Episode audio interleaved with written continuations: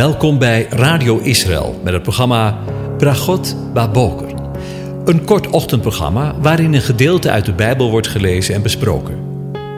Met Bragot Baboker wensen onze luisteraars zegeningen in de ochtend. Presentator is Kees van de Vlist.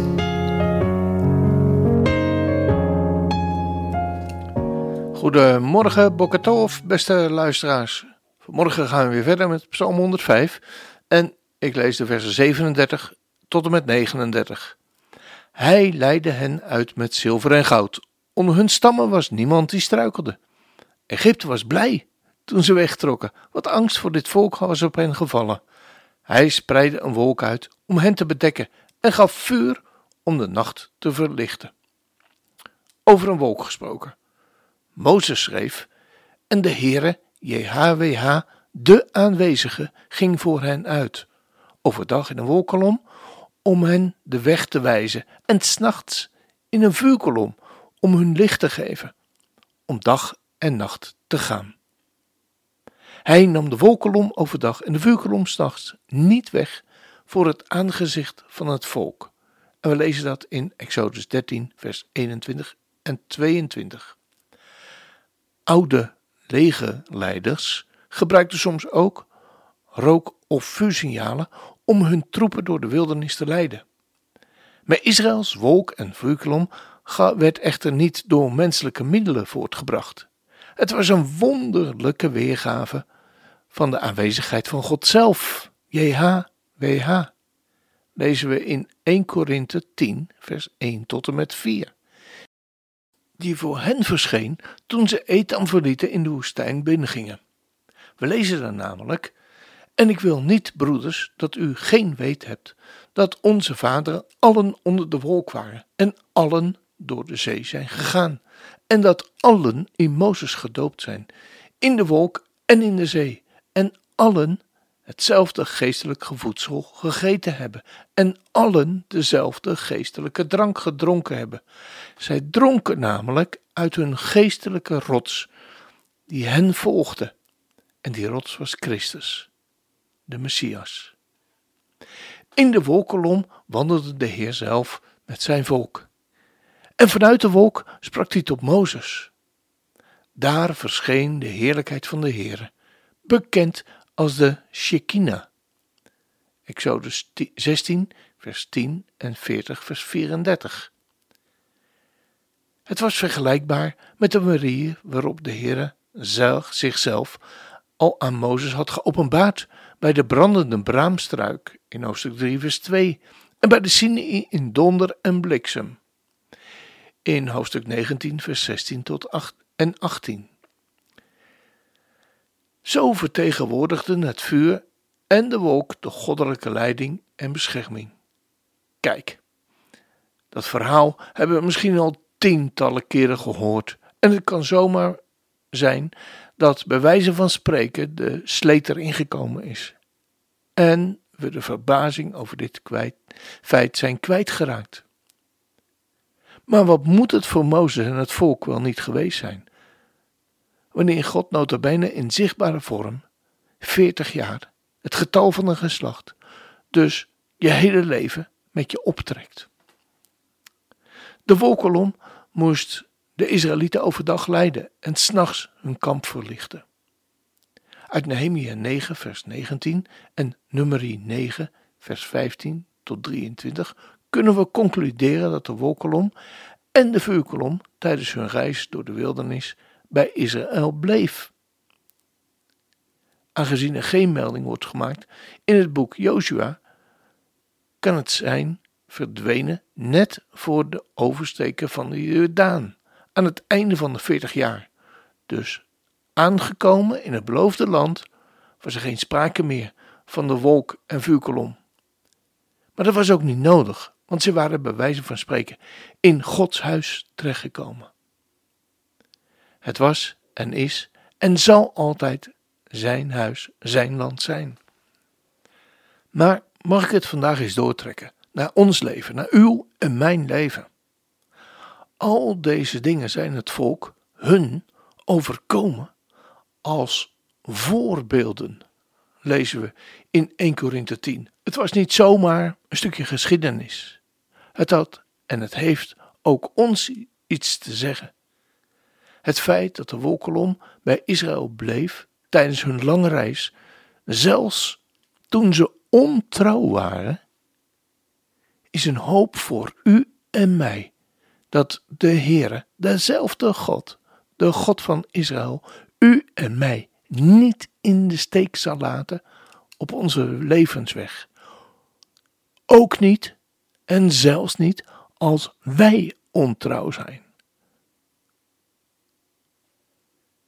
Er is geen situatie in het leven waarin de Heere zijn kinderen, zijn volk, u en mij in de steek laat. Punt. Hij is aanwezig in de donkerste nachten van pijn en mislukking. Evenals op de geweldige dagen van vreugde en voorspoed. Het is waar dat we hem s'nachts nodig hebben. Of in de nachten van ons leven, wanneer we onze zwakheid beseffen. Maar misschien nog meer overdag, wanneer we ons sterk voelen. Wanneer deze zichtbare pilaar vandaag de dag niet meer wordt gezien, kan Gods aanwezigheid nog steeds ervaren worden in ons leven, in uw en mijn leven. We hebben zijn geschreven woord. Wat het volk van God, het volk Israël, in de woestijn ontbeerde. Wij hebben de eeuwen achter ons liggen waarin God zijn woord steeds maar weer opnieuw nakwam. We vinden in zijn woord kracht voor vandaag en blijde hoop voor de toekomst. Gezegend zijn we wanneer we Gods leiding in ons leven zien. Want als dat geen zegen is,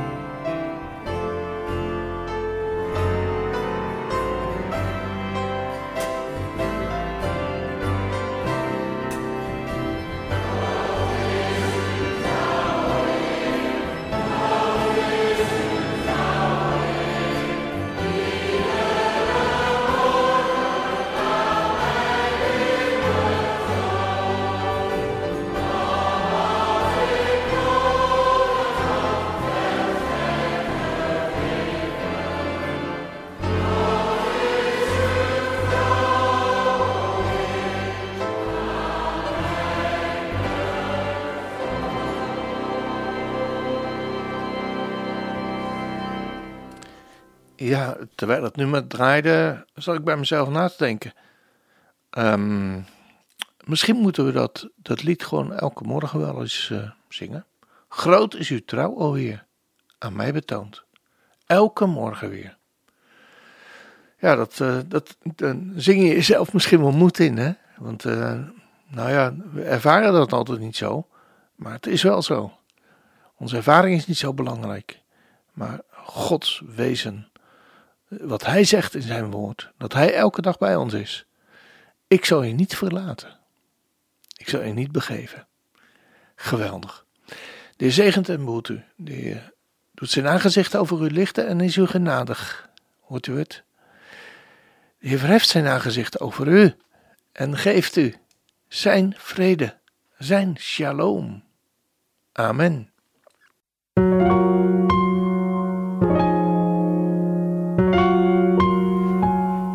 U hebt geluisterd naar het programma Bragot Baboker.